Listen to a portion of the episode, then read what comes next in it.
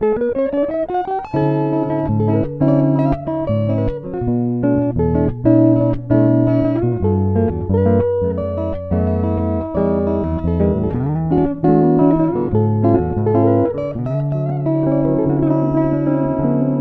datang para pendengar, selamat datang di podcast Disik barengan gue Sidik Suryanto. Dan podcast ini adalah podcast episode kedua Sebelumnya gue uh, itu pernah podcastan bareng sepupu gue Dan di sana gue membahas tentang nama yang bagus untuk podcast. Dan di sini gue bahas tentang kenapa gue buat podcast ini Apa hal yang melatar belakangi gue membuat podcast ini dan eh kalian tahu di bulan Maret pertengahan itu eh, terjadi kasus pertama COVID-19 di Indonesia, tepatnya di Depok. Dan hal itu membuat seluruh Indone seluruh Indonesia khususnya eh, Jakarta dan sekitarnya Jabodetabek itu geger. Dan di sana juga banyak orang yang panik, akhirnya mereka panik panic buying, akhirnya mereka ngeborong apa namanya barang-barang di mall, barang-barang di supermarket gitu, yang seharusnya orang dapat apa namanya kebagian vitamin, akhirnya vitamin habis ludes, dan waktu itu sempat langka juga vitamin. eh begitu juga bahan-bahan makanan lain, wah akhirnya diborong-borongin karena semua orang panik bahwa mereka harus eh, di rumah aja karena kita semua tahu virus itu di mana-mana. Dan saat itu juga pemerintah eh, melakukan eh, apa namanya? Pembatasan sosial berkas- berskala besar yang membuat sebagian kegiatan eh, ekonomi atau pendidikan dan lain-lainnya itu harus berhenti atau dirumahkannya gitu.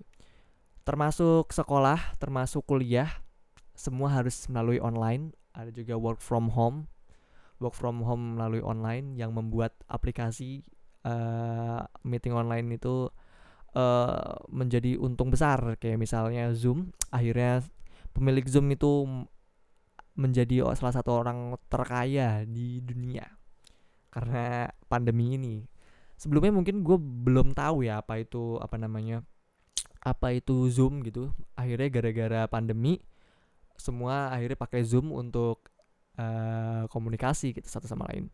Dan ketika masa work from home ini ada juga saudara-saudara kita yang eh, terdampak gitu ya.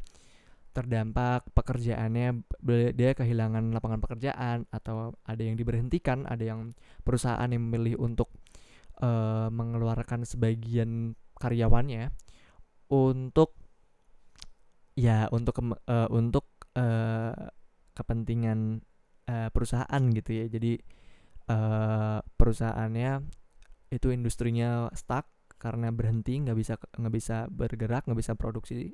Makanya harus mengeluarkan eh, apa namanya sebagian karyawannya. Kita semua nggak bisa eh, mengelak itu. Tapi eh sekarang udah ada PSBB transisi yang yang mungkin melonggarkan. Jadi eh, apa namanya sebagian dari apa industri bisa be- bisa ber bisa berjalan lagi gitu. Dan masa work from home ini masa di rumah aja ini banyak eh campaign ya tentang kesehatan tentang di rumah aja tentang pentingnya menjaga kesehatan menjaga kebersihan. Eh awalnya orang bodoh amatan kali ya sama yang namanya kesehatan. Akhirnya sekarang orang jadi lebih aware tentang tentang kebersihan tentang cuci tangan sebelum makan eh kalau kita misalnya keluar itu harus kita lebih aware jaga jarak sama orang. Karena kita nggak tahu eh, orang itu membawa virus atau kita yang bahkan membawa virus. Eh dan di situ pemerintah mewajibkan kita untuk memakai masker. Saat itu banyak juga apa namanya orang yang menimbun masker ya. Karena waktu itu masker harganya mahal banget. Mungkin sekarang masih mahal ya mungkin sekarang bulan Agustus eh, tanggal 8 mungkin masih masih masih lumayan demandnya lumayan ya. Walaupun dulu itu apa namanya stoknya kayaknya kayaknya dulu bener-bener kosong nggak ada di mana-mana. Akhirnya or akhirnya du- zaman dulu itu kan zaman dulu lagi. Gue bilang maksudnya bulan Maret itu uh, katanya uh, yang efektif itu adalah uh, masker medis masker medis akhirnya semua orang nyari masker medis masker yang yang yang yang sekali pakai gitu. Kalau misalnya apa namanya masker kain itu tidak efektif ternyata setelah adanya penelitian masker efektif masker yang apa namanya masker kain itu juga efektif untuk menangkal uh, COVID-19 gitu. Akhirnya orang lebih aware lagi. Dan termasuk juga hand sanitizer ya. Sekarang hand sanitizer di mana-mana setelah PSBB transisi ini setelah PSBB apa namanya dilonggarkan dibuka atau bahkan di sebagian tempat dibuka itu um, sektor perekonomian sektor perekonomiannya kayak mall kayak sekolahan itu juga kayak sekolah beberapa sekolah mungkin di zona hijau yang mungkin sudah angka COVID-19-nya itu uh, menurun itu mereka membuka ya membuka uh, sektor ekonominya yang di mana-mana ada yang namanya protokol kesehatan. Kalian harus cek suhu kalian harus apa namanya harus cuci tangan pakai hand sanitizer di mana pun kalian berada. Dan itu membuat hidup menjadi sangat ribet walaupun itu uh, ada plus minusnya juga ya. Kalian juga lebih mungkin lebih aware akan tentang kebersihan dan kesehatan.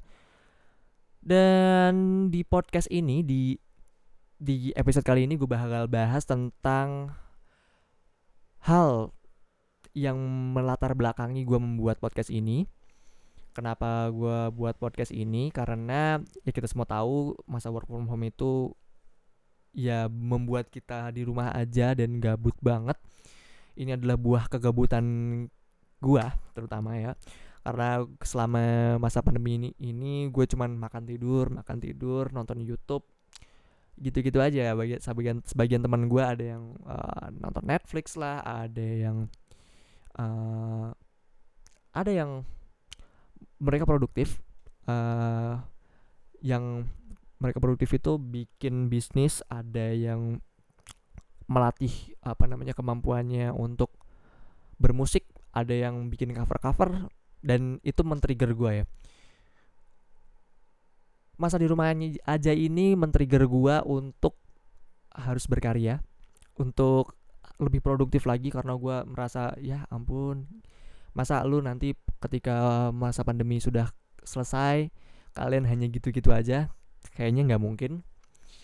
Dan ada beberapa teman gue yang mungkin uh, bikin bisnis gitu ya belajar bisnis karena mungkin uh, ya bukan karena terdampak COVID-19 tapi mungkin itu uh, bagian dari pembelajaran mereka untuk bisnis nanti. Jadi ketika nanti COVID-19 sudah selesai mereka punya bisnis yang benar-benar berjalan gitu. Jadi sekalian belajar. Dan ada juga teman gue yang bener uh, apa namanya bikin bikin bikin karya kayak musik cover cover. Ada juga yang bikin podcast. Ada banyak banget bikin podcast. Tapi kalau gue sendiri bikin podcast itu untuk yaitu melatih diri gue gue kuliah secara online uh, eh, gue kuliah PR ya. PR uh, eh, gue kampus gue adalah kampus salah satu yang pertama mengumumkan mahasiswanya untuk belajar di rumah. Dan jurusan gue PR adalah salah satu uh, apa namanya jurusan yang ribet banget kalau misalnya uh, harus di rumah aja karena so salah satu soft skill dari uh, PR itu yang wajib banget harus kudu itu adalah public speaking. Dan public speaking itu bisa dilatih karena jam terbang. Dan audiensnya nggak ada. Dan makanya gue di sini adalah uh, eh, gue punya apa fasilitas yang bisa gue manfaatin untuk mengasah kemampuan gue yaitu berpodcasting. Di podcast ini menurut gue bisa gue bisa improvisasi gue belajar bisa belajar on improvisasi gue bisa belajar gimana teknik bridging gimana gue nulis materi gimana gue mengemas suatu audio.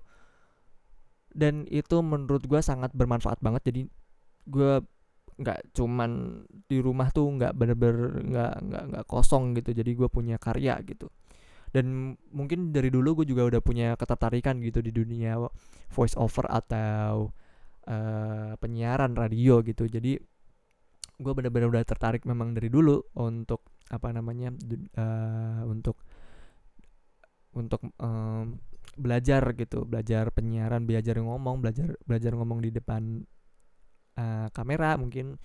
Dan mungkin kalau untuk uh, ngomong di depan kamera gue belum terlalu pede makanya gue sekarang uh, memilih podcast sebagai uh, bidang yang gue tekuni ingin gue tekuni.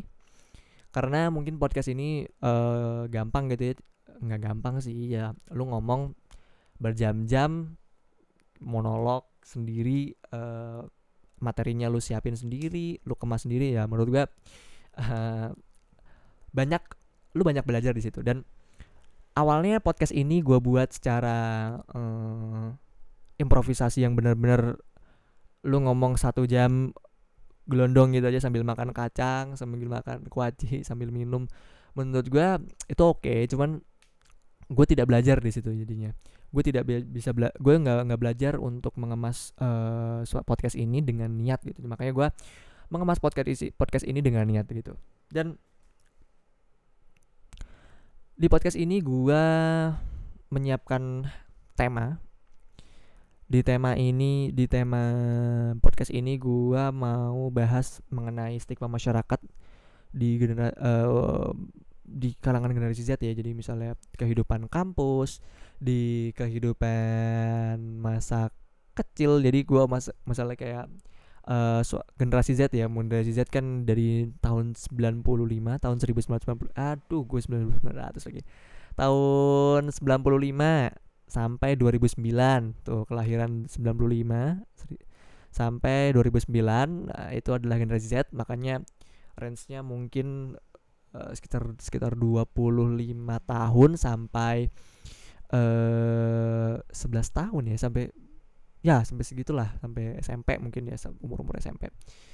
Uh, yang mereka itu uh, adalah generasi yang nanti tahun 2040 100 tahun Indonesia adalah generasi penerus yang megang peranan bangsa yang menurut gua penting sekarang adalah uh, pen, apa namanya sekarang adalah momen di mana kalian itu uh, ingin menentukan masa depan masa depan kalian.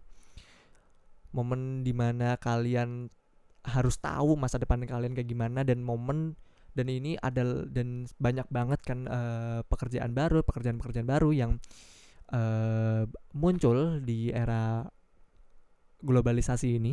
Asik. Bahasa gue teknis banget sorry maaf banget ya kalau misalnya kalian uh, merasa bahasa gue teknis banget karena gue biasa ngomong di kampus. Dan di era apa namanya di era modern ini banyak banget apa namanya uh, profesi yang bermunculan gitu. Kayak misalnya zaman dulu itu games itu dianggap sebagai suatu yang hanya can apa namanya bikin anak tuh kecanduan. Sekarang itu bisa menjadi profesi yang menjanjikan gitu youtuber misalnya kayak youtuber zaman dulu nggak ada uh, orang cuman ngomong di depan kamera bisa dibayar berjuta-juta. Orang nggak kepikiran mungkin nih sampai bisa sampai bisa ke arah ini. Dan itu sekarang bisa menjadi profesi dan menurut gue banyak uh, generasi Z yang yang masih dilema masih apa namanya masih ber, masih bingung gitu ya menentukan uh, masa depannya bakal kayak gimana termasuk gue termasuk gue yang uh, apa namanya masih mengawang-awang masa depan gue bakal kayak gimana. Dan sekarang gue mulai merintisnya uh, gue mulai apa namanya uh, penasaran akan dunia kerja itu seperti apa. Mungkin anak-anak SMP SMA uh, juga apa namanya juga per, ber, perlu pencerahan sama yang namanya uh, generasi Z yang lebih tua gitu. Kayak misalnya gue uh, penasaran sama dunia kerja itu kayak gimana sih? Atau misalnya anak SMA sama SMP itu tadi masih bingung uh, mereka mau masuk jurusan apa? Mereka mau kuliah jurusan apa? Kalau kuliah jurusan ini nanti uh, bakal uh, jadi apa profesinya gitu. Jadi uh, menurut gue itu penting banget ya. Misalnya kayak uh, masih banyak banget anak-anak uh, SMP sama SMA yang mm, yang perlu nggak sih gue masuk ke uh, kampus atau sekolah negeri yang notabene memang uh, favorit gitu ya mau mungkin dikejar sama uh, ratusan ribu orang uh, terus juga penting apa namanya bedanya kalau gue masuk di kehidupan uh, anak-anak negeri sama kehidupan anak-anak di swasta itu bakal beda atau enggak. Dan nanti gue bakal datengin apa yang apa namanya gue bakal datengin narasumber-narasumber yang bakal ngobrol-ngobrol sharing-sharing tentang pengalaman mereka di dunia kerja mungkin atau di dunia kuliah uh, atau ya sekedar sharing pengalaman mereka aja. Yang tentunya mereka lebih berpengalaman gitu. Jadi bisa uh, sharing tentang pengetahuan sharing ke uh, teman-teman kita yang belum belum mengerti gitu uh, tentang kehidupan itu tadi. Dan gue ngerasa kalau misalnya ini dijadiin sebagai suatu apa namanya pengetahuan gitu ya jadi jadi bahan uh, referensi menurut gue bakal lebih banyak lagi orang yang tercerahkan gitu. Jadi nggak nggak mungkin orang stigma stigma orang akan kampus negeri yang dikejar sampai ratusan ribu orang itu uh, akan mungkin atau kampus kampus swasta yang kayaknya jomplang banget sama kampus negeri. Kayak misalnya bumi dan langit lo kalau kalau lo kuliah di kampus swasta ini lo akan nggak dapet apa namanya kalau lo masa depan lo jelek gitu. Mungkin mungkin di di apa namanya di podcast ini gue bakal patahin stigma itu. Maksudnya kayak bakal gali lagi stigma itu gitu. Dan itu aja yang bisa gue sampaikan kira-kira. Terima kasih udah dengerin podcast ini. Selamat malam karena gue sekarang malam podcastnya jam 12 malam. Gue udah ngomong sekitar 17 menit. Thank you so much untuk yang udah dengerin. Jangan lupa dengerin lagi di episode selanjutnya. Dan terima kasih